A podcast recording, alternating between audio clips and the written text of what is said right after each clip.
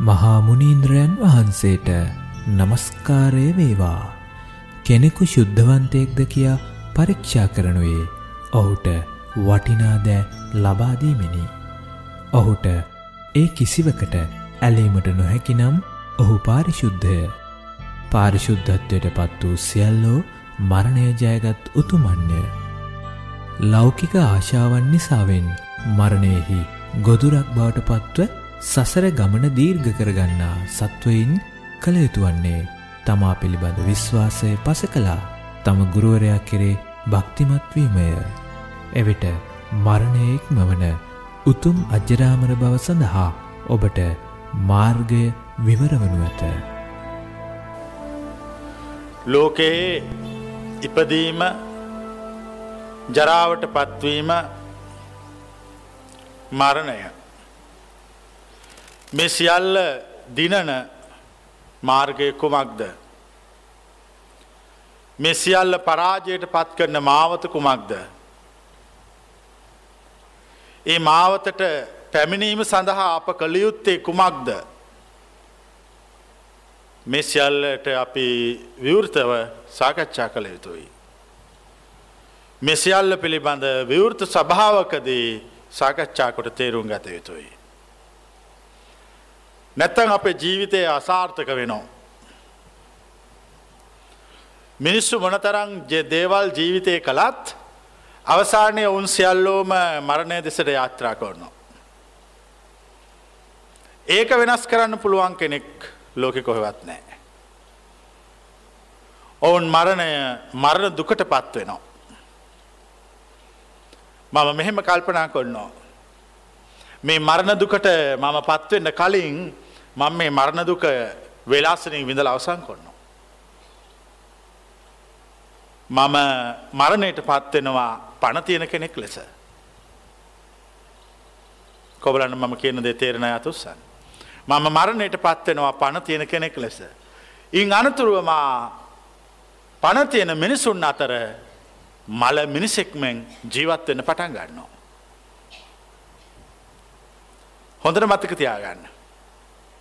මිනිහෙකුට ඕන වුණොත් පණ තියෙන මිනිස්සු අතර මල මිනිසෙක් ලෙස ජීවත් වෙන්න ඒ මිනිහා රහතෙක්. පණ තියෙන මිනිස්සු අතර මල මිනිසෙක් වෙන්න වෑයම් කරන්න. දැන් අපට ඊළඟට ප්‍රශ්නයක් වෙනවා. කොහොමද පණ තියෙන මිනිස්සු අතර මල මිනිසෙක් වන්නේ? මං කියා දෙන්නම් මාර්ගය. මං කියා දෙන්නම් මාර්ගය. මරණය ඔබ සොයාගෙන එන්න කලින් ඔබ මරණය සොයාගෙන යන්න. මරණයේ වේදනාව ඔබ ළඟට එන්න කලින් ඔබ මරණෙහි වේදනාවෙහි අයිතිකාරයෙක් වන්න. මරණෙහි වේදනාව විඳින්න. කොච්චර දැඟලුවත් කිසිම කෙනෙකුට මරණය වේදනාවෙන් පලා යන්න බැහැ. එකට එකතු වෙන්න ඕන. මම හිතනවා ඇතකුට මෙහෙම මම පිළිගන්නවා මරණය වේදනාවෙන් මට පලා යන්න බැරි බව. මං එහෙනම් ඒ වේදනාව වෙන්න කලින් මං එකට එකතු වෙනවා. මං එක විඳිනෝ. මං එකටම බසිනෝ. එතකොට මං මල උන් අතර කෙනෙක්. ඒ කියන්නේ මගේ ආත්මය විශ්වයේ විසුරුවා හැරයා. මේ දහම ඔබට දේශනා කරන්නේ මලවුන් අතර කෙනෙක් වන්න මලවුන් අතර කෙනෙක් වන්න කියන්න මේ මැරිච්චමනිහෙක් වෙනවා කෙනෙක නෙමෙයි ජීවමානව සිටගෙන සියලු බැඳීම් අත්තර දාලා සියලු සියල්ල කරේ ඇති ආශාවන් අත්තරලා දාලා සියල්ල කරේ ඇති බලාපොරොත්තු ඉවත් කරලා දාලා ජීවිතය නිදහසේ ගෙවන්න. මලවුන්ට නීති නෑ. රහතුන්ට පාරවල් නෑ. දැන් ඉස්සෙල්ලම නීති නැති මලවුන් ළඟට එන්න. මං ඔහොම කිව්වහම ඕන කෙනෙක් හරි බයයි. රහත් වෙන්න කිව්ව නම් බය වෙන්න ඕනේ අපි ඒකට නම් එකගයි මෙන්න කිව්වා නීති නැති මලවුන් ළඟට එන්න කියලා. කොබලන්න කිසිම නීතියක් නැති මලවුන් ළඟට එන්න කැමති අය. යමෙක් කිසිම නීතියක් නැතුව මලවුන් ළඟට ආවොත් මං උන්ගේ අත අල්ලා මොහු රහත් බවට සුදුසුය කියා ඇදල දානව රහත් බවට. මා සිරිනා තැන කිසිවෙකුට අසරණ ලෙස මෙයාමට අවසර නැත. මා සිරිනා තැන කිසිවෙකුට අසරණ ලෙස මිය යාමට අවසර නැත. ඒ මිය යන මිනිස්සුන්ගේ ආත්ම මම හොරකං කොන්නවා. හොරකං කල්ලා ඒ මිනිස්සු මරණයෙන් ගලවලා මරණයෙන් මුදවලා මරණයෙන් අයින් කල්ලා ඒ මිනිස්සුන්ගේ ආත්ම සුවපත් කල්ලා හෝදලා ඒ ආත්ම රහත් බවට පත් කොන්න. දැම්මන් කවුද. ඔබලාගේ ගැලවුම් කරුවාවෙමේ. ගැලවුම් කාරයයි කාර්යභාරය තමයි මැරණ මිනිස්සුන්ගේ ආත්ම අපායට යන්න දෙන්නේ නැතුව ඒ ආත්ම අරගෙන ඒ ආත්ම සුද්ධ කල්ල හෝදල පිරිසිදු කල්ල ඒ ආත්ම සුවපත් කරන එක. එතකොට ප්‍රශ්නයක්කේ විදැන් එහෙනම් අපි කිසි දෙයක් කරන්න ඕන්න අපි දැම් පස් පව් කරමු දසාකුසල් කරමු මැරෙනකොට ළඟටෙමු එහෙම හරියන්න නැහැ. ඒක හරියට මේ වගේ. මේ අපි මේක මැරෙන වෙලාවට අහන්න තියාගම්මු මේ බණ. ඉතින් දැ මැරණ වෙලාව දැනගන්න එපයි බණහන්න. ජීවිත කාලය පුරාම මනුෂ්‍යය කළ යුතු එකම එකදේ තමයි තමුන්ට මනුස්ස ලෝකයේදී හමුවෙන කිසි දවසක නොවරදින තෑග්ග ගැන හැමතිස්සෙම කල්පනා කිරීම. මොකද තෑග්ග මරණය මරණය ඒ පිළිගන්න ඕන. ඒක මරණය නෙමෙයි වෙන ඒම හරියන්න කොච්චර කිව්වත් අන්තිමට තෑග්ග එක. මේ මනුස්සලෝක මනුස්සයෙක් ජීවමාන වෙනකොටම ඔහුට ස්වබාදහම බන්දේශයක තියලා තෑග්ගක් අල්ලගෙන ඉන්නවා. මිනිස්සු තෑග්ග දිහා බලන්නැතුව වැඩ කරනවා. මිනිස්සු තෑග්ග දිහා බල නැතුව වෙන සියලු දේ කරනවා. එවනට අවසානය ඔවුන්ට ඒ තෑග්ග පිළිගන්න වෙනවා. මම මෙහෙම කරනවා. මම හරි කැමති තෑගිවලට. එනිසා මං මුල්ලින්ම කියනවා මට ඔය තෑග්ග දෙන්න. එතකොට මට ඒ තෑග්ග අතේ තියාගෙන අල්ලගෙන නෙක් කෙනා කියනවා මේක තියෙන මරණය. කමක් නෑ ඒ නිසා තමයි මම ඉල්ලන්නේ මට දීපම් මරණය. එතකොට ස්වබාදාම මගෙන් අහනෝ උඹගේ හිත හයියද මරණය පිළිගන්න. එතුර මං කියන ඕ. එතකොට ස්වබාදහම කියනවා එහෙම දෙන්න බැහැ උඹ අතට මරණය. උඹ කියපං උඹ මේ මරණය කියන තෑග්ග අතට සන්තෝසයෙන් ගන්න උඹ ගියපු පාර. උඹ වඩපු මාර්ගය.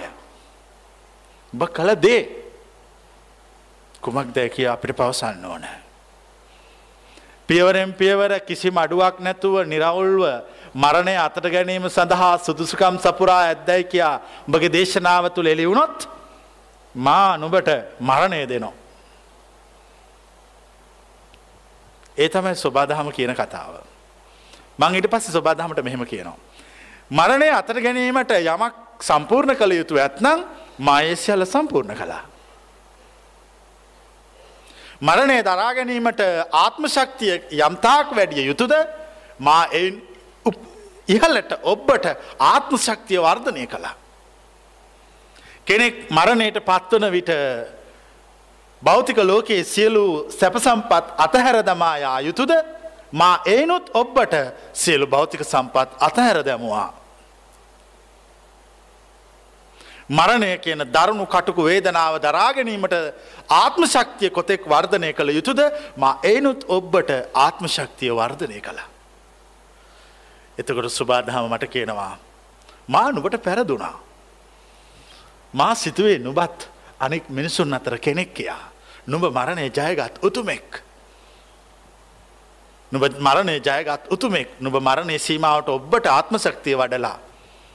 මරණය සීමාවෙන් ඔබ්බට අත ඇරලා. මරණය සීමාවෙන් ඔබ්බට හයිය වෙලා. මරණය සීමාවෙන් ඔබ්බට ගිහිල්ලා. කවුරු හරි මරණ දහාරයෙන් ඔබ්බට ගියොත් එතන අමරණීය බව පවතිනවා. කොහෙද අමරණී බවතියෙන් මරණත් දොහාරයෙන් එහා පැත්තේ. කාටහරි ඕනනම් මරණත් දොහාරයෙන් එහා පැත්තට යන්න මල මිනිසෙක් සතු ආත්ම ශක්තියෙන් ඔබ්බට ඕගේ ආත්ම ශක්තිය වඩාගෙන තියෙන් ඕන. මල මිනිසෙක් සියල් අතහැර දමා යන්නාසේ මල මිනිසකුටත් වඩා ඒ මිනිසා සියල් අතහැර දමා තිබෙන්න ඕන. මල මිනිසෙකුගේ හිත හයිය වගේ මරණය ජයගන්න සුදුසු මරණය දහාරයෙන් යන්න කැමති වූ මිනිසා හයිය වී තිබෙන් ඕන. මේ සියලු සපුර සියලු සුදුසුකම් සපුරා ඇත්නම් ඔබ සුදුසුයි අමරණය බවට. යම් තැනක අමරණීය බව පවතීද එතර ලෝතුරු සුවය පවතිී. යම් තැනක අමරණීය බව පවතීද එතන ලෝතුරු සොය පවතිී. යම් තැනක ලෝතුරු සුවය පවතීද එතන නිර්වාණ දහතුව පවතිී. දෙමට උත්තර දෙන්න.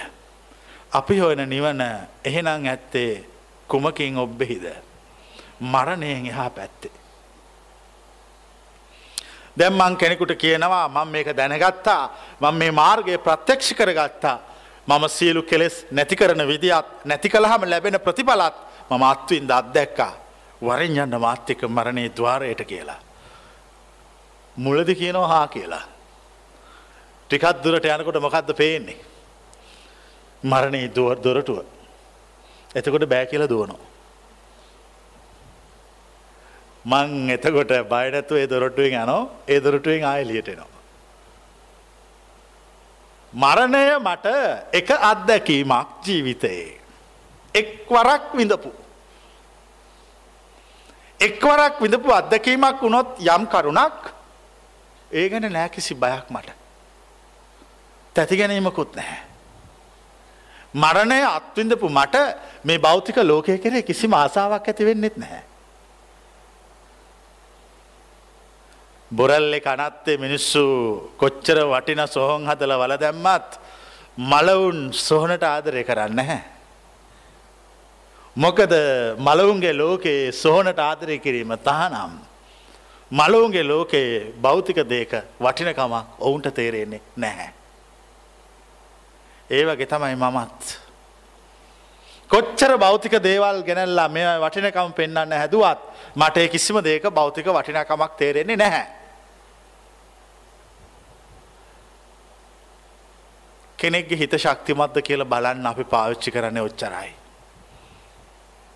කෙනෙක් පිරිසුදු වූවෙද්ද ශුද්ධවන්තයෙක්ද කියල පාවි පරීක්ෂා කරන්නේ ඔහු ඉදිරියේ වටිනා දේවල් ගැනැත් තියෙනවා.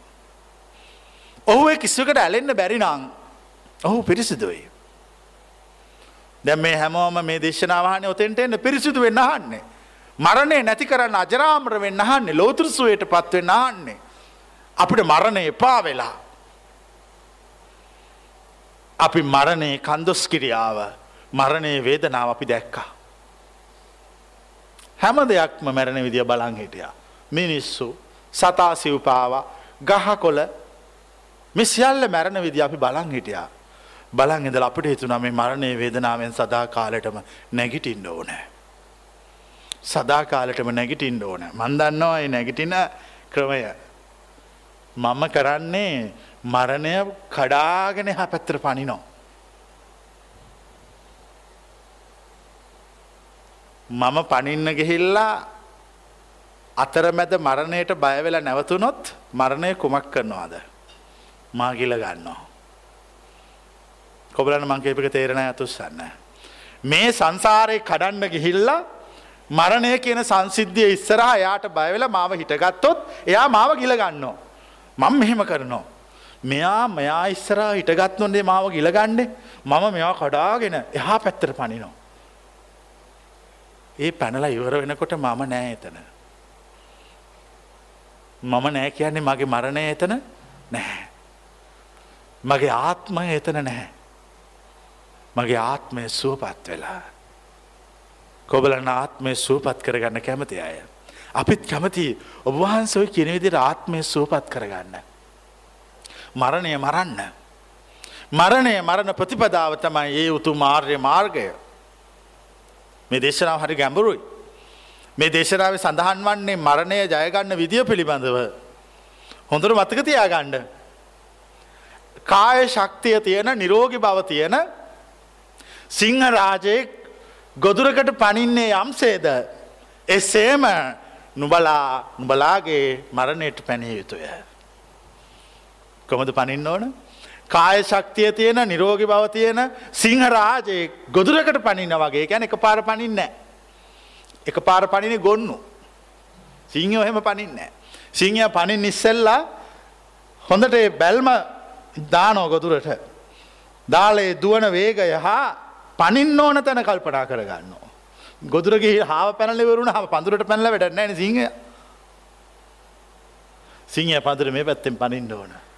බලලි වෙල්ල හරියටම පනින අන්නේ වගේ මරණයට පනින්න ඕන. මිනිස්සු මරණය කිව්වාම හරි බයයි. කොබලන බය අතුස්සන් වචනය හැනකොට බයයි. ඒ වනාට ජීවිතය කොටසක්. ජීවිතය කොටසක්. ඒ ජීවිතය කොටස කාටවත් ගලවන්න බෑන. එක් ගලවන්න බෑ. ඒ අකුරු හතරට අපි එන්න ඕන කවදක හරි. අපි කැමතින හැමැරෙන්ඩ අපිට ඕන මරණය දිනන්න. මරණය වැනි පහත් අත්වකට අපේ ආත්මය පත් කරවන්න මගේ නං බලාපොරොත්තුවක් නෑ. මම කැමති නෑ මංමගේ ශ්‍රේෂ්ඨ කෙනෙකුගේ ආත්මයක් මරණයට පත්වෙනවා දකිින්ද. මං ඒ නිසා මෙහෙම කල්පනා කලා මං මරණයට කැමති නෑ. ලෝකෙ නැද්ද මැරෙන් නැතුව හොරා පැලල යන ක්‍රමයක් තියෙනවා. ඒ ක්‍රමේ තමයි මා මේ දේශනා කරන ක්‍රමය. හරියට මේකට එන්න ඕන. මරණය එක්ක ඔට්ටු අල්ලන්න ඕන සටන් කරන්න ඕන විප්ලව කරන්න ඕන. දැන් හැමෝම හිතනෝ මරණය දිනාගත්තොත් හරි. මරණය නැතිකරගත්තොත් හරි. මරණය කියන දහාරය කඩාගෙන එහා පැත්තට පැන්නොත් මුන්වහන්සේ දේශනා කරන අජරාමර බවට පත්වෙනවා. ඒ අජරාමර බව තමයි ලෝකෙ වැඩ සිටි බුද්ධාධීයාරයන් වහන්සේලා නිවන් මඟ පිණිස දේශනා කරපු මාර්ග එච්චරයි. ටිකක් ගැඹුරුයි. ප්‍රඥාවන්තයකුට වැටහෙනවා. මෝඩේකුට මේ කියනව තේරෙන්නේ මරණය ජයගන්න කොහොමද කියලා. අනික මම කැමති නැහැ මෝඩයෙක් එක්ක මරණේද්වාරයට යන්න. මම දන්නවා මේ කොහොමත් මේ මෝඩය මරණේද්වාරයේති මමත් දාලා දුවන බව. හැමතිස්සම මරණේද්වාරයට අංකෙල අත්තල්ලන්නේ ආත්ම ශක්තිය තියෙන මිනිහෙකුගේ. ආත්ම ශක්තිය නැත මිනිහෙක්ගේ අත්තල්ලගෙන මං කැමති නැහැ මරණේද්වාරයට යන්න. ඒ මනුස්්‍යය සුද්ධවන්තය කරන්නත් මං කැමති නැහැ. මන් දන්නවයකට සුද්ධ වෙන්න ආත්ම ශක්තියක් හයියක් නැති බව. එතකොට මං මොකක්ද කරන්නේ. ආත්ම ශක්තිය හයිය නෑ කියල දැනගත්තොත් මොකක් කරයිද. අර හයියෙන් අල්ලගෙන නත මොකක් කරනවාද. නෑ අතාරන්න එක පාර. එක පාරක් කියනවා. මං උඹ මරණය දවාරයට ගෙනියන්නයි මේ අතින් ඇල්ලුවේ. තව ටිකත් දුර යනකොට අපිට හම්බෙනවා භයානක දොරටුවක්. ඒ දොරටුවේදි මම අතින් හයියට අල්ලගෙන ඉන්නවා. හැබැයි උඹ බය වෙනවා. උඹට මන් දොරටුවලඟට යන්න කලින් කියනවා බයවෙන නැතුව හිටු කියා. මොන තරං අභියෝග බාධක ප්‍රශ්න ගැටලු සියල්ලාවත්. උඹ උඹ කෙරෙහි විශ්වාස කරන්න යන්න එපා. උඹ උඹ කෙරෙහි විශ්වාස කරන්න ගියොත් බය වෙනවා. මං කෙන තේරෙනවාද උඹ උඹ කෙරෙහි විශ්වාස කරන්න ගියොත් බය වෙනවා උඹ මා කෙරෙහි විශ්වාස කරන්න. මං ප්‍රශ්නයක් අහනවා. මිනිහෙක් තමුන් ගැන විශ්වාස කරන්න නැතුව මා ගැන විශ්වාස කළොක් කුමක් වෙනවාද. ඔහු හෝ ගැන විශ්වාස කරන්න නැහැ. ඔහු මා ගැන විශ්වාස කරන්න පටන් ගන්නවා. ඔහුගේ මම නැති වෙලා යනවා. යමෙක් මා ගැන විශ්වාස කොළොත් මා ඒ පුද්ගලයා මරණය දවාරයෙන් එහා පැත්තට රංයන. ඒ යන අතරමගයි මෝඩයා ඔහු ගැන විශ්වාස කොළොත් මහුගේ අතාතාරෙනවා. හොඳට මතක තියාගන්න. මේ දේශනා කරන නිවන් මග මේ අපි යන පාර මට මතක් වෙන හෝ හොඳ උපමාවක්. නවනාරි කුංජරය. නවරාරි කුංජර දැකපු ඇතුස්ස. නවනාරි කුංජරය කියල සිංහල මේ කලාවෙ තියෙන්නේ ගෑනු නම දෙනෙක් එකතු වෙලා ඇතෙක් හැදිලා ඉන්න රූපයක්. ඒක හොඳ වැල තියනවා දල දෙක තියනවා කන්තියනවා ඇඟ තිය ලැබ ඒක ඉන්න ගෑනු නමයක් නව නාරි නාරි නම දෙනෙක්. ඔය ඔය දැන් ඇත හැදිලන ඉන්න එක්කෙනෙක අතින් වල්ගේ හදාගෙන හොම හොම මුළු ඇඟම ලස්සට කකුල් එක්කෙනෙ කොල්ල කකුල් හදාගෙන හොම මුළු ඇත්තරූපය හදලා. ඔය ඉන්න එක නාරියෙකුට ඔළුව කහන්න හිතුනොත් ඇතාට මොකක්ද වෙන්නේ. මට උත්තරදේ. ඒ එක ගෑනු කෙනෙකුට ඔළුවේ උකුණු හිතලා මේ උකුණු ඇවිල්ලා ඔළුව කහන්න හිතෙනවා. එතකොට මං අහන්නේ අර නවනාරිට මොකද වෙන්නේ කියලා. එතකොට ඒ අර අතාගේ වල්ගේ වල්ගේ තියෙන අත කියලා හිතමු. එයාට තමයි ඔළුව කහන්න හැදලා තියෙන්නේ. එතකොට වල්ගේ අරගෙන ඔළුව කහන්න හදනවා. ඇත්තු කවදාවත් වල්ගෙන් ඔළුව කහනවා. නෑ. මාත් එක්ක යනකොට ඔළුව කහන්න තහනම්.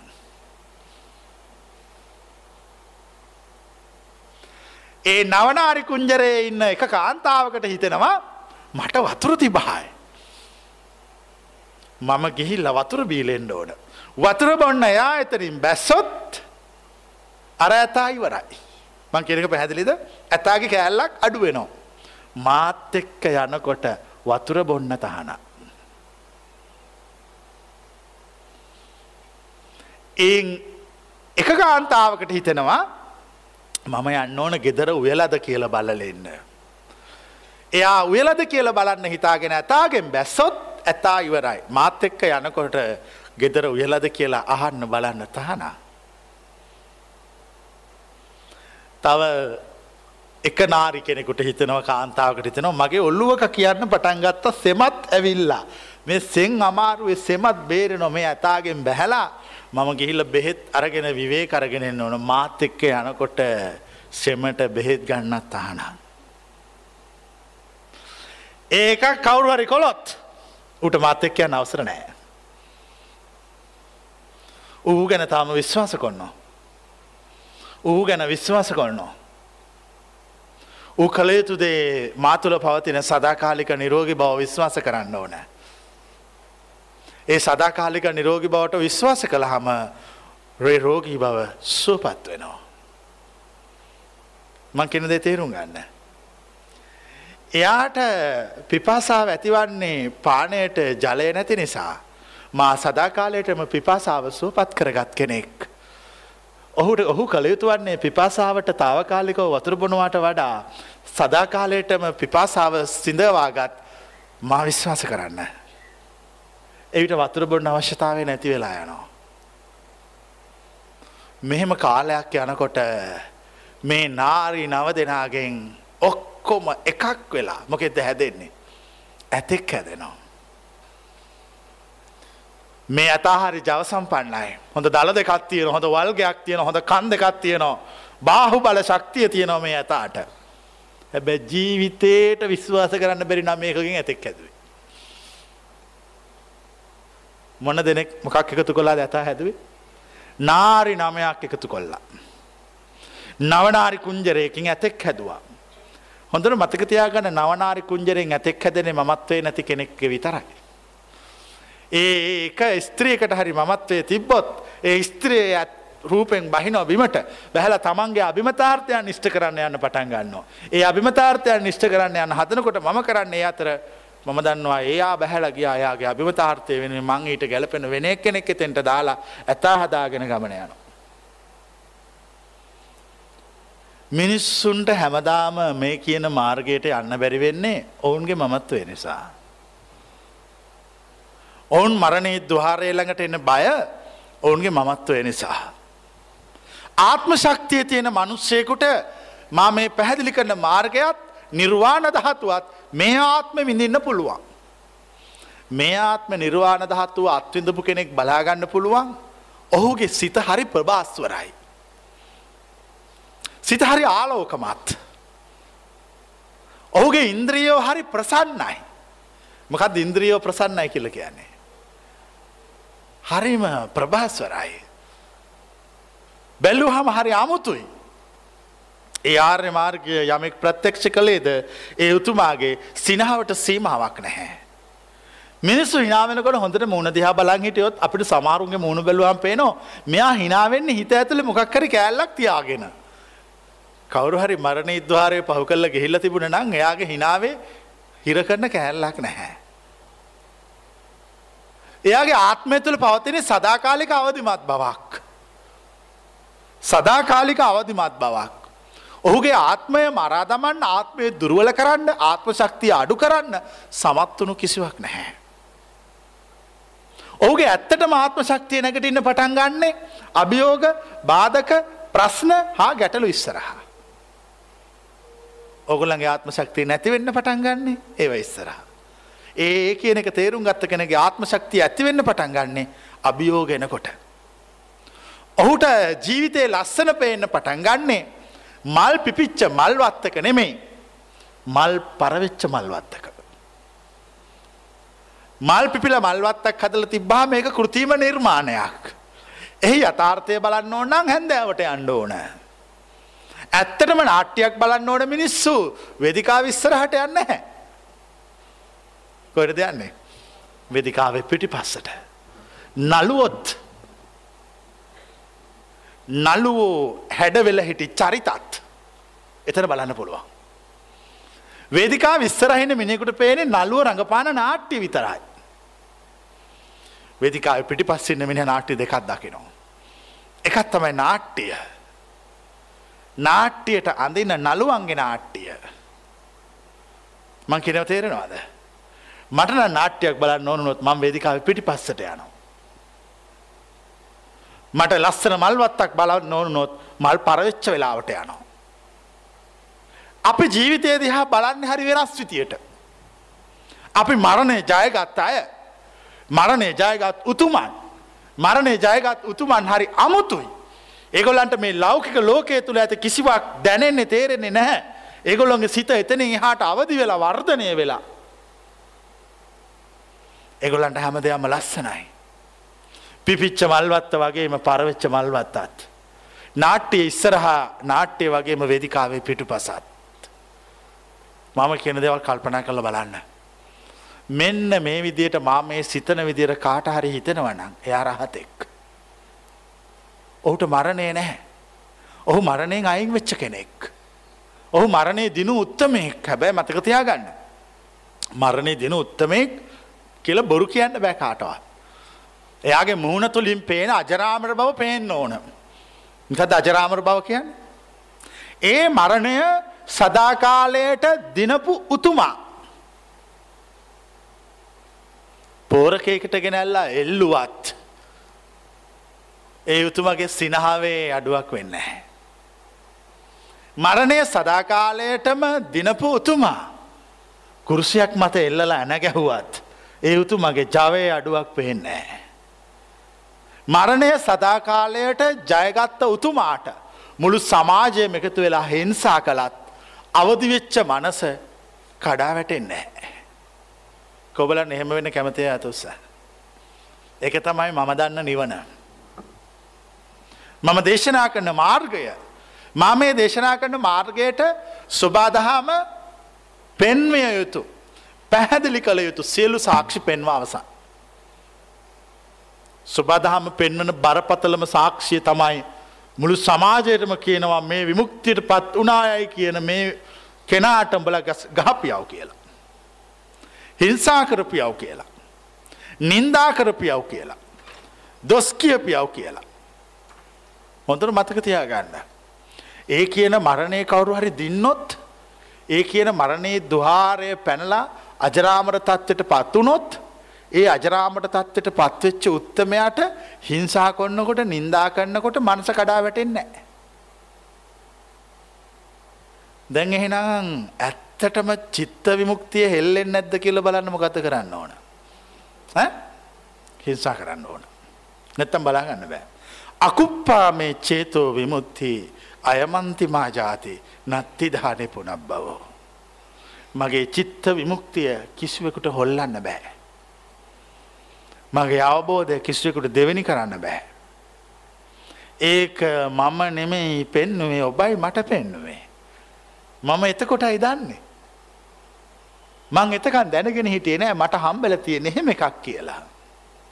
ළමයෙක් පාරය ඇවිදගෙන යනකොට ලොක්කු දියමන්තියක් දකිනෝ පොල් ගෙඩියක් විතර. ඒ ළමය හිතනවා මේක ලස්සන ගලා. මේක හොඳයි මට සෙල්ලම්බත්තු වෙනකොට ගන්න කියලා ඒ ළමය එක කරේතියාගෙන යනවා.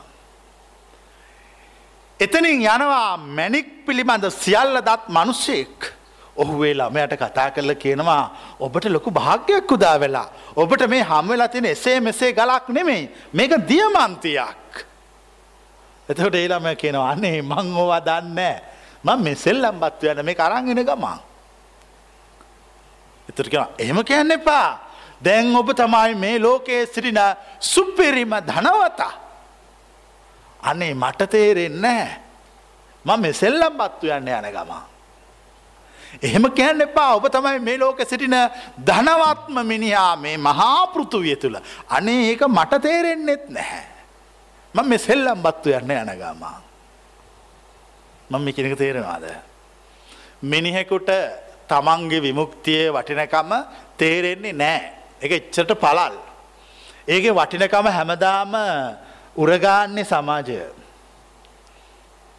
සමාජය උරගාල බල්ල කියනවා මේකනම් සියට සියම්ම රත්තරම් මැනික් කියලා.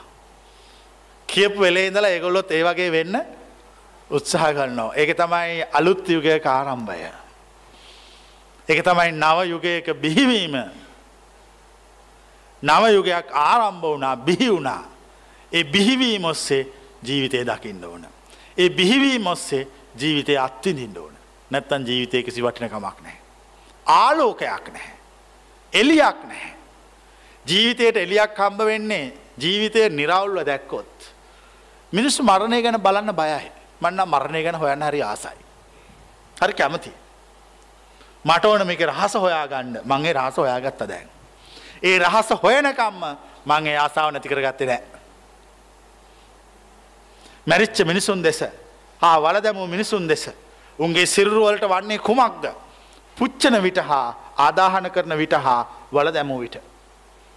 දිරන්නේ කෙසේද මුලින් දිරන්නේ කුමක්ද අවසානයට දිරාපත් වන්නේ කුමක්ද. මේ සියල්ල ගැන මා ගවේශණය කලා. මං හිතන්නේ මේවා ගැන ගවේශණය කරන්න මේගොල්ලු බයයි කියලා. ඒ බය කිසි කෙනෙකුට මම වගේ වෙන්න බැහැ. එයා ඒ තත්වට පත්වෙන්ට කලින් එයා ඒ ගැන ගවේශණය කර ගන්න ඕන. මොකද මාත් මේ තත්වට පත්වෙන අයම්පිකෝ කායෝ එවන් දම්මෝ එවන් භාවී ඒතන් අනතිතෝති මගේ ශරීරයත් මේ මේ තත්වට පත්වෙන යම් දවසක. හැබැයි එතකොට ඒක ගැන බලන්න මම එතන නෑ. දැම් මං මෙතන ඉන්නෝ. මං මෙතන ඉඳගෙන මේ මරණයට සාපේක්ෂව ජීවිතය මගේ එක ගැන හොයනවා. ඒ කැමැත්ත ඒ රුචිකත්වය නැති කරගණ්ඩ පායි මාර්ගය අවසම් වෙනකම්. හොඳට හොයන්න වෙන මොක ගැන නොසෙව්වත් කමක් නෑ මරණය ගැන. බයවෙන්න පායකට මරණය ගැන හොයන්න. අපි මැරිච්ච මිනිස්සුන්ට බයනං අපි සොහන ගෙවල් හලන්නෑ. මෙවෙන කොටත් අපි සොහන ගයක් හදන්න අත්තිවරන්දාලා ඉවරයි. කොබල නත්තිවරන්දාපය සොහන ගයක් හඩන්න අත්තිව අරන් දැම්මා. දැන්හිතින් ඕක හදන්ඩ වෙනවා. දැන් ඕක හැදුවේ නැත්තන් ලොකු ප්‍රශ්නයක්. ඊට වඩා හොඳයි කොහොමත් දැම් මේක හදනෝ. ඔයගේ හදාගෙන යනකොට සොහොනේ සොහනේ අයිතිකාරය එනෝ. මරු අයනෝ. ඇවිල්ල කියනවා බට අයිති නෑ සොහනේ ගෙවල් හදන්න සෝන අයිති මට උඹට අයිති නෑ සෝන එකයක් හදන්න සෝන අයිති මට උඹට සෝන අයිති වෙන්නේ මරණින් පස්සේ දැම්මොකද දෙන උත්තරේ කොබලන් උත්තරයක් තින ඇතුස්සන්න. සෝනේ අයිතිකාරය වන මාරය ඇවිල්ල කිව්වා උඹට අයිති නෑ සෝන ගෙවල් හදන්න සෝන අයිති මට උඹට සෝන අයිති වෙන්නේ මරණින් පස්සේ දැම් මංහන්න ඔබ මොකක්ද කියන්නේ කියලා. එක දෙයක් කියන්න. මට සොහොන අයිතිය කියා උන්වහන්ස කිව්වා. මා සෝනට සුදුසුයි කියා උන්වහන්සේ වදාලා. උන්වහන්සේගේ වචන අහගත්තු මම ගෙදර නොයා සෝනටාවා. මම අය ගෙදර යන්න හැ. මම සදා කාලෙටම සෝන ඉන්නෝ. මම ගයක් හදනෝ. මම සොහන තුළ අජරාමර වෙනවා. බට පුළුවන්නන් නවත්තපං. උඹ ඔයිට කලින් දවසක උන්වහන්සේ නවත්තන්න ආපු බවත් උන්වහන්සේ දේශනා කළා. උන්වහන්සේව නවත්තන්න උඹට බැරිවුණා කියලත් උන්වහන්සේ අපට කිව්වා. උඹ කරදර කරන්න ආවොත් උඹට ඒක මතක් කල්ල දෙන්න කියලත් උන්වහන්ස කිව්වා. උඹ මට සෝනගේ හදන්ඩ අවසර දෙනවද නැද්ද.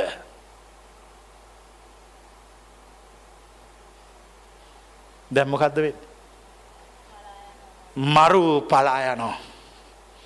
ඔබට මරු දිනන්න කිසි දෙයක් කරන්න ඕ නැහැ. ඔහු කලින් පරාජයට පත්වෙච්ච අවස්ථාවක් ඔහුට මතක් කිරීම පමණයි කළ යුතු. උඹ උන්වහන්සට පරාජය වන බව උන්වහන්සේ අපට දැනුම් දුන්නා. අපි ඒ හයි අරගෙන මේ ආවේ. මෙලෝ පනතියන මිනිහෙක් කරන්න බය දෙයක් මේ මැරෙන්න කලින් සොහනක් හදන එක. අපි ඒක කරනවා. ඒ සොහනක් හදරව කියලා කියන්නේ මරණයෙහි බය අයින් කරනවා.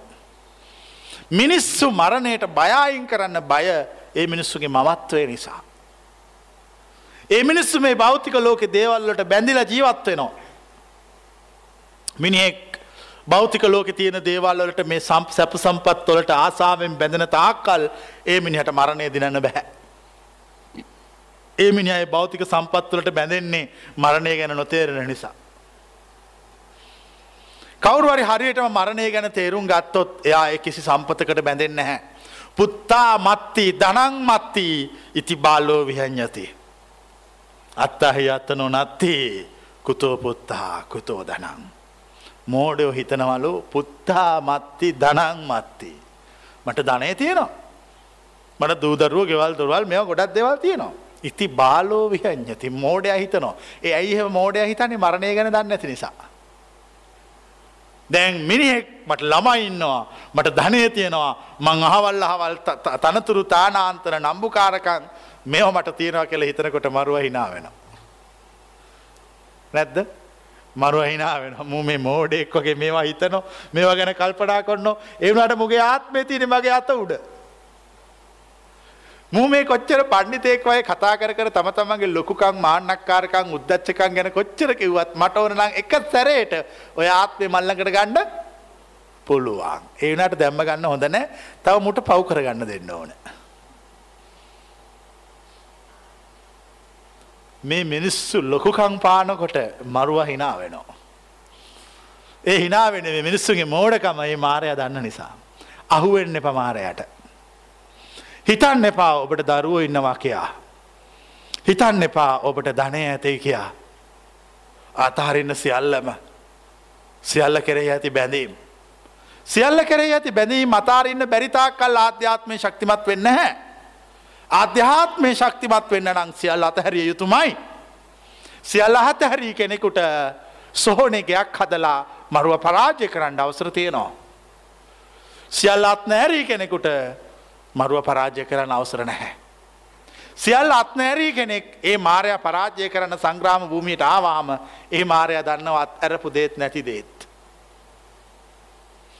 ඒ මාරය කල්පනා කරනවා මේ මෝඩය මාත්‍යක සටන් කරන්න ඇවිල්ල මන්දන්නවා මූ අත්තරි දේත් මුවත් නෑරී දේත් අත්තරි දේත් එක මට සටන් කරන අයිතියක් නැහැ.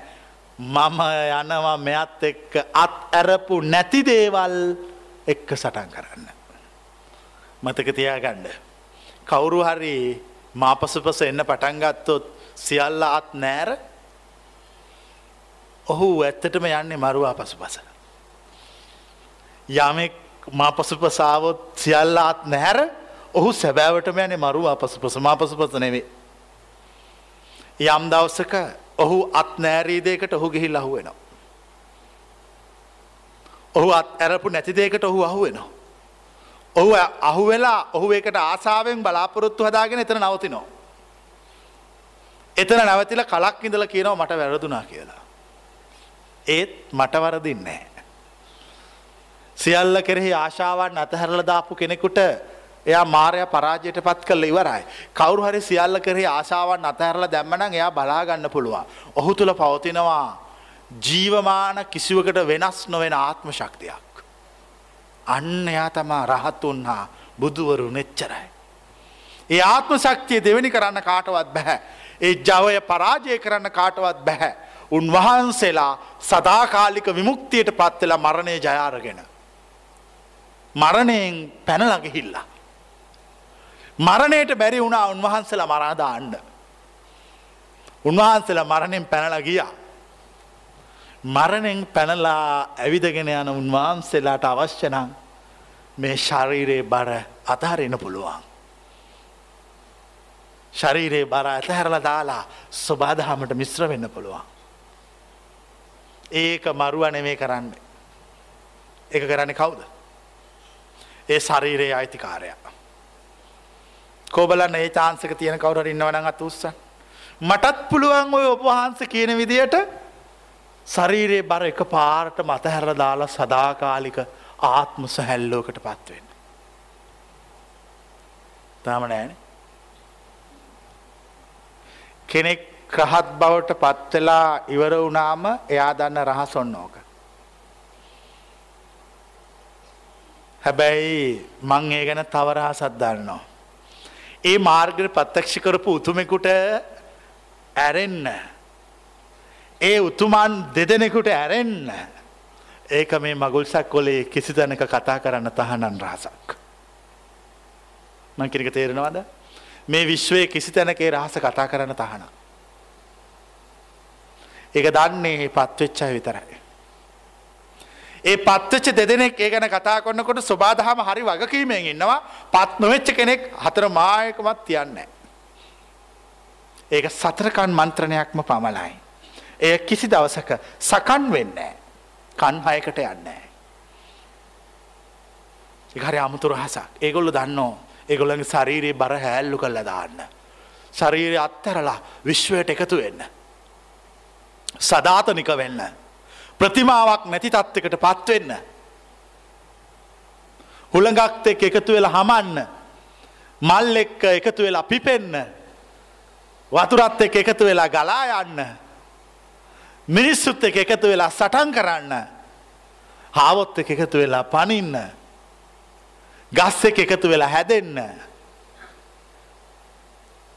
ඒ හැම දෙයක්ම ඒ ශුද්ධ ස්වභාවය තුළ තියෙනවා දැන් කාටහරි මෙතන ඉන්න කෙනෙකුට හිතුනොත් මෙහෙම මම හරි ආසයි කුරුල්ලොත් එක පියාඹන්න. මල් වෙලා පිපෙන්න. වතුර වෙලා පල්හාට මීදුම වගේ ගලාගෙන යනකොට වැටෙන්න. මම හරි ආසයි උස ගහක් වෙන්න. මම හරි ආසයි කෙහෙල් කැනක් වෙන්න. මම හරි ආසයි පුහුල් ගෙඩියක් වෙන්න. මමාරි ආසයි නෙලුම් මලක් වෙන්න. කොබලන් එහෙම නිකං හිතිච්චය තුස්සන්න ඉන්නවන. මං හරි ආසයි ප්ලේන් එකක් වගේ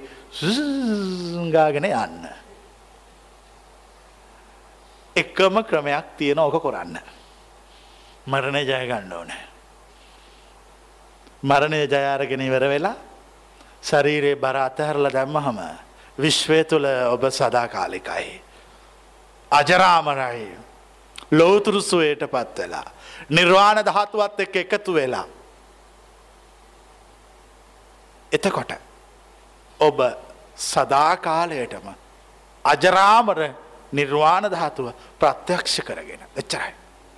ඔච්චරයි. මේ දේශනාව හරි ගැඹුරුයි.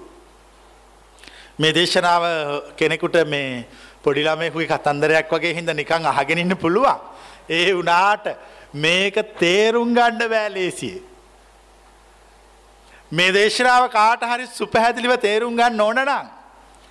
අවම තරමේ එයා ඒ පුද්ගලය අවුරුදු හතරක්කත් මං කියන දේ ආපු කෙනෙක් වෙන්න ඕන.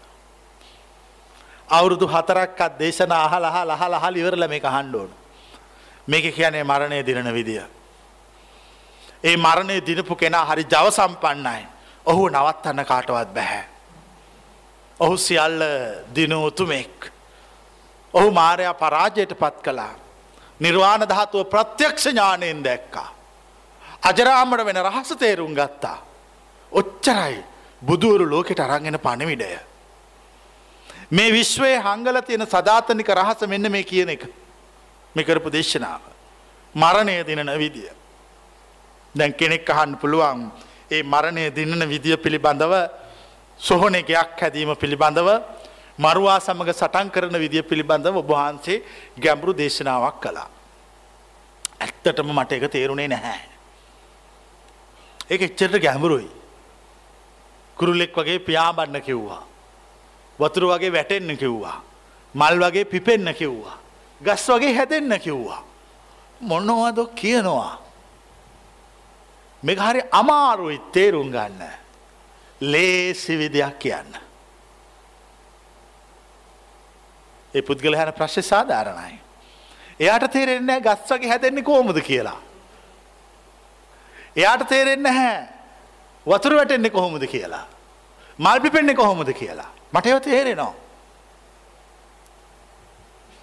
මිනිහෙකුට ඕන වුණාලු හැමදාම මිනිහ වෑයන් කරනවලු අනිත් පැත්තට වැඩ කරන්න. එමින කල්පනා කලාලු මේක හරි ලේසි ද මං්යොක් කල්ල දණ්ඩක් ගැහුවොත් මේ පැත්තට ගහ මේ පැත්තට හැදිලා අල අර පැත්තට බහිනොනේ බැරිද අපිට දණ්ඩ අනි පැත්තට ගහල අල උඩට රගෙන ගහයටට යවන්. මං කියන තර්ක තේරෙනවාද. දණ්ඩ කෙලින් මේ ගහ හැදන පැත්තට ගැහුවොන්නේ අල යටට ගිහිල්ලා ගහ උඩට එන්නේ දණ්ඩ අනි පැත්තට ගැහුවත්. මොකක්ද වෙන්න ඕන. අල උඩට ඇවිල්ලා ගහ යටට යන්න ඕන. ඒක සාර්ථක නැහැ. ඊට වඩා ලේසි මංයොක්ක දණ්ඩක් සාමාන්‍ය විදියට හිටවලා ඔළුවෙන් හිටගෙන ඉන්න එක. මං ඔය උත්තර දෙකෙන් තෝරගන්න අර දෙවෙනි උත්තරේ මම කියනවා උඹ වගේ ගොන් වැඩ මං කරන්නේ නෑ මං ඔළුවෙන් හිටගෙන බලාගෙන ඉන්නවා මංයොක් කලබහින විදිය ගහ හැදෙන විදිය දිහා මේ කියනව තේරෙනවාද ප්‍රායෝගිකයි මහ ලොකු තර්කයක් ඔයි මංයොක්ක තර්කේ කෙස් පලල පලන්නත් පුළුවන්. ඒ වනාට ඒක හරි සරලෝ ප්‍රායෝගිකව කරන්න පුළුවන්. කෙලින්ම මේ ඔලුව හිට ගනතිය. දැන් ඔය උපමාව මම කිව්වේ කෙනෙක් මගෙන් අහනවා මෙහෙම ඊට පස්සේ. දැන් ඔබහන්සික දේශනා කළ ගේචනාව හරි ගැඹරුයි. මරණය දුහාරය පණින්න කිව්වා. ඒ මරණය දුහාරය පණින විදි කිව්වා. ඒ ඒ මරණ ඉද්දහාරය කෙනෙක් පැන්නොත් එයාගේ ස්වභාවය කිව මොන වගේද කියලා. ඕ අපිට ඔක්කොම තේරෙන ඒක හරි කිසි ප්‍රශ්නයක් නෑ. ඒ වුණට හත්තිලව මේ කරන්න බෑනි. මේක පනින්න බෑනේ. මේක පනින්න හදනකොට මොකක් හරි එකක් මේක හරහට හිටිනෝ. කොබලන්න එක තේරණ යතුස්ස. හොඳට මතක තියාගන්න. පනින්න හදනකොට මොකක් හරි එකක් කරහට හිටිනවනම් අඩුවක් තියෙනවා විශ්වාසයෙහි. මොකද අඩුවති විශ්වාසයෙහි. යමෙක් මා එක සිතින් විශ්වාස කොළොත් ඔහුට අඩුවක් පේන බැහැ පනින පුළුවන්. ඔහු කියනවා පනින්න කලින් එක සිතින් විශ්වාස කරනවා කියලා. ඔහු පනින්න ලෑස්ති වෙලා යනකොට පනින්නේ මම නෙවේ ඔහු. එතකොට ඔහු තුළ කවුද ඉන්නේ. ඔහු ඉන්නවා. ඔහු තුළට ඔහු බැස්සකමං මාකරේ ඇති විශ්වාසය ඔහුට මොකක්ද වෙන්නේ. නැති වෙලා යනවා. මාකරෙහි විශ්වාසය නැතිවෙච්ච ගමන් ඔහුට පේනවා කනුවක්. ද මංහල ප්‍රශ්නයක් ඔබට කනුවක් පෙනුනේ ඇයි. ඔබේ ආරක්ෂාව ගැන ඔබ කල්පනා කළ නිසා. ඔබේ රැකවරණය ගැන ඔබ සොයපු නිසා. මම කිව්ව පනිනවනන් මම දිහා බලාගෙන පනින්න කියලා. මම දිහාගෙන බලාගෙන පැන්නනම් කනුවක් පේන්න විදියක් නෑනේ කනුව හැප්පිල ඉවරණ එකන වෙන්න පුළුවන්. මං කෙනෙක පැහැදිලෙද. යමෙක් මාදෙස බලාගෙන මරණී දුහාරය පැන්නොත් ඔහු අජරාමර වෙනවා. පනින්න යන අතර ඔහු දෙස බැලුවොත් ඔහු මරණයට හසු වෙනවා. දැ මේ නොක්කොමයි කරන්නේ මොකක්ද. ඔන්න විශ්වාස කරනවා විශ්වාසයි විස්තෙවනුවත් විශ්වාසයි තුන්වනුවත් විශ්වාසයි තීන්දුයි. දැන් ඕන පනින්න යනවා. පනින් යනකොට කනුවක් පේනවා. කනුවක් පේනකොට තේරෙන්න ඕන විශ්වාස ඉවරයි දැන්. සසර පුරුද්ධට මමරක රැක ඉන්න පනින් නැතුව. මට ඕන්නෑ මමරකින්න පනිනවා එක්කොමා කනුවෙහි හැප්පී මෙයත්දෙන් නැත්තං සසර විනාස වෙද්දෙක්. මංහන්න මොකක්ද වෙන්න කියලා. සසර විනාස වෙනවා. සසර විනාස වෙනවා. දැන් එතකොට මෙගොල්ලන්ගේ මේ පනිනේවයි මනින්නේ මම. මන් තමයි ලීය දාන හිට පනින්න ඇවිල්ල. මගේ ඇති තමයි මීටර් කෝදුව තියෙන්නේ. මම තමයි පැනල් ඉවරුණ හම ගලූකෝස් දෙන්නෙත්.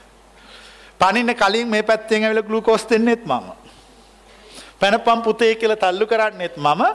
වට්ටවන්නෙත් මම. පැනලත් දිනුවහම කියන්නෙත් මම. කොබලන් තේරෙන ඇතුස්සන් මොකක් දෙකක් කියනවා බං? අපිට තේරෙන්නේ ගලූකෝස් දෙන්නෙත් මමලු. පනින්න කලින් පැනලිවරුණ හමත් දෙනවලු ඒ පැත්තෙන්. මේ පැත්තෙන්වල හිටත් දානවලු. පැනලිවරුණ හම දිනුම් කියලා කියනවලු. පරාජයට පත්වන හම කනට ගහලා ආය මුලට යවනවලු. සියල්ල මම වෙමේ. සියල්ල මම වෙමේ. යමෙක් මා කෙරෙහි අචල විශ්වාසයෙන් පනින්නේද එවිට රිට ගලවමි. මං කිපක තේරුම් නැද්ද. එතකොට හිට ගලවනෝ. විශ්වාසය අඩූ බව මට දැනේද එවිට දමමි රිටක් යකඩින් සැදූ. විශ්වාසය අඩුනායයි කියලා දැක්කොත් රිටත් තියෙනවා යකඩෙන් තැනෝ. ඔහු ඔහු කෙරේ ආශාව අතහැර මා කෙරෙහි විශ්වාසකොට පනිනවායයි දැක්කොත් ගනිමි අතට ඔහු. මහන්සවෙන් එපා ඔච්චර මා සමග යමංකයා ඔහු එතර කරමි සංසාර සාගරයෙන්. මන්දැන් කිනද තේරෙනවාද. මේක රිට පැනිල්ලත් තියෙන්නේ. කවදාකවත් ගලූකෝස් කාලාත් මේ නැටුමට මේ පැනිල්ලට සූදානම් වෙලා ඔක්කොම කොල්ල ඉවර වෙලා රිටල්ලඟට ඇවිල්ල කියන්න එපා මේ ආත්මය ඔන්න ලබනාත් වෙනවා කියලා. ඔය වරද්ද ගන්න දෑ. ඔක්කොට මෙනෝ මහයියට එන්නේ අර පනින්න කලින් අතන දඟලනවා දඟලනවා අර වැලි ගොඩේ ඉඳගෙන වැලි හැරෙනකා. ඉතින් ඒකට ආය පනින්න හයියක් නෑ. ජීට පස්සේ රිට ගන්නවා කරට අරගෙන දූවගෙන ළඟට එල කියනවා ලබනාත්ම පයිනවා කිය. එහුට පනින්න බැහැ කවදක්කත්. ඔහු ඊළඟාත්මෙත් ආයවිල එතෙන්ට මැවිල්ල කියනවා මන් ලබනාත්ම පනිනවා කියලා. ඔහු ඊළඟාත්මෙත් එතෙන්ට ඇල්ල කියනවා මන් ලබනාත්ම පයිනවා කියලා ඒ තම හෝක සංසාරය. ඒක මහ පුදුම පාපයක් නේක. ඔක්කෝම දුවල ගලූකෝස් කාල ඔක්කෝම කල හිටත් අතරගෙන දුවල ළඟට මැයිල කියෙන නෑ ලබනාත්ම කියලා. එක ඒ නෑ මං ආය කොහොම හරි කාගෙනනවා කියලා යනවනං හරිනේ මේක ලබනාත්ම කියලා කිව්ව ගමන් මොකක්ද වෙන්නේ සුපාදාම අප්පුඩි ගහලා කියනවා මටත් ඕන උනේ ඒක කරගන්න තමයි ලබනාත්ම අපි යමු කියලා. ආයි ලබනාත්ම එතෙන්ට වෙලා ආයි යනවා. මේ සංසාරයේ ඉවරයක් මට පේන්නේ නැහැ. මේ මිනිස්සු හැමදාම මේ සංසාරයේ රිට පනින්න ඇවිල්ලා තියෙන්නේ. දැන් මේ වාඩි වෙලා ඉන්නේ මොනෝ කාලිවර වෙලාද? ග්ලූකෝස් කාලා ඉවර වෙලා වාඩි වෙලා ඔය අහගෙන ඉන්නේ. දැන් මං ඊළඟට අප්පුඩියක් ගහලා කියනවා දැන් ගන්න ලී අතට දුවන්න දාලා ඇති යකඩ රිටක් වැටුණත් කමක් නැහැ හැප්පුණත් කමක් නැහැ බෙල්ල කැඩුණත් කමක් නැහැ පනින්න. කොබලන ලෑස්තිය අතුස්සන්න පයින්කොට උපදෙස් දීලා පිටට තට්ටු කරලා කියනවා ගලූකෝස් ගැන විශ්වාස කරන්න එපා. මා කෙරෙහි විශ්වාස කරන්න. මා කෙරෙහි විශ්වාස කරන්න. මා කෙරෙහි අදහන්න මා පිළිගන්න ඔබ ඔබ ගැන විශ්වාස නොකර මා විශ්වාස කරන්න. මා විශ්වාස කරනකොට මා සතුවන යම් අසීමිත බලයක් වේද දිව්‍ය මේ ශක්තියක් වේද ඒ දිව්‍ය මේ ශක්තියෙන් ඔබ ආරෝපණය වනු ඇත. මොකද වෙන්නේ. මා සත්තුවන යම් අසීමිත දිව්‍ය මේ ශක්තියක් වේද ඒ දිව්‍ය මේ ශක්තියෙන් ඔබ ආරෝපණය වනු ඇත. ඒ දිව්‍ය මේ ශක්තියෙන් ආරෝපණය විම සඳහා එකක් කරන්න මා විශ්වාස කරන්න. වචන හා මාර්ගය එච්චරයි. වචන මාර්ගය විශ්වාස කළ කෙනෙකුට රිට පනින් අවසර තියෙනවා. එතකොට ඔහුට ඔහු මනින් නෑ. ටේප් එක අයින් කල්ල දාලා කියන යාකෝ එයා අපි විශ්වාසයි එයා මාගේ දිව්‍යමය වූ ශක්තිය විශ්වාස කල්ලා. ඔහු විශ්වාසය කරනකොට මොහුටේ දිව්‍යමය ශක්තිය ආසිර්වාදයක් ලෙස ලැබුණා. ඔහු ඒ සංසාර සාගරයේ තරණය කලා ඔහුව පරීක්ෂා කරන්න බලාට තහනම් මා ඔහුව පරීක්ෂා කරන්නම්. ඉවරයි. මෙච්චර කාලෙ සංසාරයක් හැමදාම පනින් ඇවිල්ල පස්සට ගියා. ආයන්නෑ පස්සට. දෙකෙන් එකක්. එක්කොමා සංග්‍රාම භූමියේදි මැරේවේ. එක්කොමා ජයග්‍රහණයට යාවේ. කොහොමත් මේ ජීවිතය සංසාරයේ හිටියත් මට වෙන්න පරාජය මං කෙනක පිළිගන්නවාද. කොහොමත් හිටියත් වෙන්න පරාජය සම්ප්‍රයුක්තය බිඳුවයි ජීවිතය. මිනිෙක් ජීවිතය අවුරුදු සීයක් ජීවත් වනත් ඇහුවොත් ළඟට ගිහිල්ල මැරෙන්න්න මොහොතකට කලින් මොනවද මුත්ත එකතු කොර ගත්ත කියලා. අනේ පුතේ මුකුත් නැහැ කියලා හුස්මාරිනෝ. කොබලන්න එක පිළිගන්න හැතුස්සන්න. අන්තිම හුස්මරින වෙලාවෙ ළඟට ගිහිල් ඇහුවොත් මොනවද මුත් එකතු කොරගත්ත ගෙනියන්න කියලා. සෝහං පච්චිමේ කාලයේ සබ්‍රහ්මචාරීහි පුට්ටෝඩ මංකු භවිස්සාමීති පබ්බජිතය නබින්නම් පච්චවෙක්කි තබ්බා. පැවිද්දෙක් කැමතිස්සම කල්පනා කරන්න ඕන තමුන්ගේ අන්තිම වෙලාව තමුන් කවුරුවරි කෙනෙක් තමුල්ළඟට ඇවිල්ලා මොනොහරි සාක්ෂාත් කළ උතුම් තත්ත්වයක් ඇද්ද කියා ඇහුවොත් කටවාගෙන ඉන්න බෑ. ඔවු කියලා ඒ තත්ත්වය කියලා සතුටෙන් ටටා කියලා අයින් වෙන්න ඕන. මං කෙනක තේරෙන් නැද්ද. සතුටෙන් මරණයට පත්වෙන්න ඕන. ඒක තමයි අපි හැමෝගම බලාපොරොත්තුව. අපි ගෙවල් හදන්නේ දුදරුව හදන්නේ පොල් ගස් සිටවන්නේ ඇඳුම් අඳින්නේ කොන්්ඩ පීරන්නේ නාන්නේ මේ දේශනාවල් අහන්නේ සිල් සමාදම් වෙන්නේ ආගමික වත් පිළිවෙත් තුළ නිරත වෙන්නේ චන්ද දෙන්නෙත් මොකක් වෙනුවෙන්ද සතුට වෙනුවෙන්. සතුට මේ හොයන්න හැබැයි ඒවා ඔක්කොම තාව කාලෙකයි. ඒව ඒ වෙලාවට ඉවරවල යනෝ. මට ඕන වෙනස් නොවන සදාකාලික තෘප්තියක්. අජරාමර වින්දනයක්. ඒ සඳහාමට මම දන්නවා කෙටි පාරක් මා විශ්වාස කරන්න එච්චරයි. අදහීම තුළ අවබෝධයට පත් වෙනවා. විශ්වාස කිරීම තුළ මාර්ගය පේනවා. විශ්වාස කිරීම තුළ මාර්ගය පේනවා. කාටහරි යන්න ඕනුනොත් මා පෙන්වන මාර්ගයෙහි ඔවුන් කිසිවෙක් ඇවිදීමට මහන්සි නොවිය යුතුය. කාටහරි යන්න ඕනුනොත් මා පෙන්වන මාර්ගයෙහි ඔවුන් ඇවිදීමට මහන්සි නොවිය යුතුය. මක්නිසාද ඔහු මාසතු අසීමිත වූද දිව්‍යම වූද ශක්තිය විශ්වාස කරන කල්හි මා ඔහුව ඔසවාගෙන යන්නෙමේ. කොහොමද ගෙනිය ඔසවාගෙන යන එච්චර ඒ මාර්ගය. මෙච්චර ගැඹුරු දහමක් මේ මරණය දිනන විදිය හරි ගැඹුරුයි. මරණය කඩාගෙන පනින ක්‍රමය හරි සංකීර්ණයි. ඒ වනාට කරන විදි හරි ලේසි. පැහැදිලි නැද්ද කරන විදි හරි ලේසේ. මිනිස්සු ජීවිත අභියෝගොලට මුණ දෙන්න බයයි. අර එක ළමයෙක් උත්සව වෙලාවකදී වතුරකට වැටුනලු. එක පාර්ටම මුත්ත කෙනෙක් වතුරට පැනලා පීනලා ඒ ළම අරගෙන ගොඩාවලු. ගොඩා පිරිස තරුණ හිටියලු. එක මාධ්‍යවීදියෙක් ඇවිල් ඇහුවලු. දැන් මේ වගේ මෙච්චර මේ තරුණ කට්ටිය ඔක්කොම ඉන්න තැනක ඔබ වගේ කෙනෙක් මේ වගේ ක්‍රියාවක් නොබියව කිරීම ගැන ඔබට හිතෙන්නේ මොකක්ද? හිත මොකක්වත් හිතෙන්නේ නැහැ කිව්වලු මම තල්ලු කරපු එක ආහුනොත් එහෙම කනට ගහනවා කිව්වලු. කිසිම වෙලාවක ඔබට වතුරට වැටුණ නම් තනියෙන් ගොඩ එන්න එපා. ජීවිතේ බේරගන්න බැරුව කෑගහන්න මිනිහෙක් අතට අරන් ගොඩ එන්න. මං කියන දේ තේරුම් ගන්න. මම ඔබ වතුරට තල්ලු කොන්නවා. තල්ලු කල්ල කියනවා ගොඩ එන්න කියා. එතකොට අර මරණයට බයේ හංගගෙන ඉන්න ආත්ම ශක්තිය තියෙනනේ ඒක එක පාර්ටම මොකක්ද වෙන්නේ? ඒක එලියට එනවා. ඕක එලියට ගණ්ඩ බෑ. ඒක කරන්න ඇතුව තල්ලු කරන්න ඕන. දැන් එහෙනම් වතුරට කොබලන තල්ලු වෙන කැමතිය අතුස්සන්න දෙකෙන් එකයි. එක්ක වතුර ගිල්ල මැරෙන්න්න පුළුවන් එක ගැලවෙන්න පුළුවන්. ගැලවුණොත් සදා කාලෙටම මේ කියන ආර්ය මාර්ගය තේරුම් ගන්න. කිසිම කෙනෙක් දහම ගැඹුරුණාට මන්දොත්සාහි වෙන්න එපා. පශ්චත්තාප වෙන්නත් එපා. කල්බල වෙන්නත් එපා. ඔවුන් එකක් විශ්වාස කරන්න. අසීමිත වූ ශක්තිය දීවීමේ බලය ඒ විශ්වාස කරන්නකොටම ඔබෙහි කොටස්කරුවෙක් වෙනවා. විශ්වාස කරන්නකොට කොටස්කරුවෙක් වෙනවා. විශ්වාස කරන්නකොට කොටස්කරුවෙක් වෙනවා. එච්චරයි.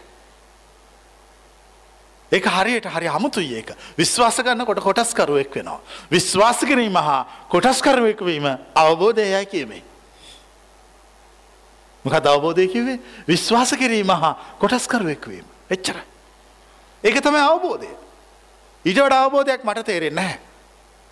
එතකොට ඒගොලු සියල්ලෝම සධාතනික අජරාවන අමාමහා නිවනට පත්වෙනවා. සදාකාලික සුවයට පත්වෙනවා. සැනසිල්ලට පත්වෙනවා. ඒක තමයි ලෝකෙට බුදුවරු පෙන්වන රහස.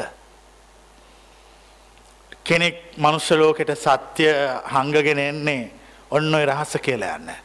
අපි කියවල තියෙනවා ජාතක පොතේ මහ උම්මගේ ජාතකේ මහසත පණ්ඩිතව මනුස්ස ලෝක උපදිනකොට අතින් මොකක් කරන්න ආවයි කියලා. සඳුන් කුට්ටියක් ගෙනවලු. ළමයි මවකුසෙන් උපදිනකොට සඳුන් කුට්ටි අරගෙනවයි කියලා අපි විශ්වාස කරන්නේ. හැබැයි ළමයි මවකුසින් උපදිනකොට සඳුන් වලටත් වඩා වටින ප්‍රඥාවක් කරගෙන මනුසලෝකයේ ජීවමාන වෙනවා. ඒගොල්ලො ඒ දන්න ප්‍රඥාව තුළින් නිවන් මඟ හොයලා ඒක මනුෂලෝකෙට පෙන්වනවා. පෙන්වහම එක විශ්වාස කරන පිළිගන්න අය අවබෝධ කරන. ඇත්තටම ගැලවෙන ප්‍රඥාවන්තයෝ නෙමේ විශ්වාස කරන්නවා. ඔබත් ඒ විශ්වාස කරන්න අතර කෙනෙක් වන්න.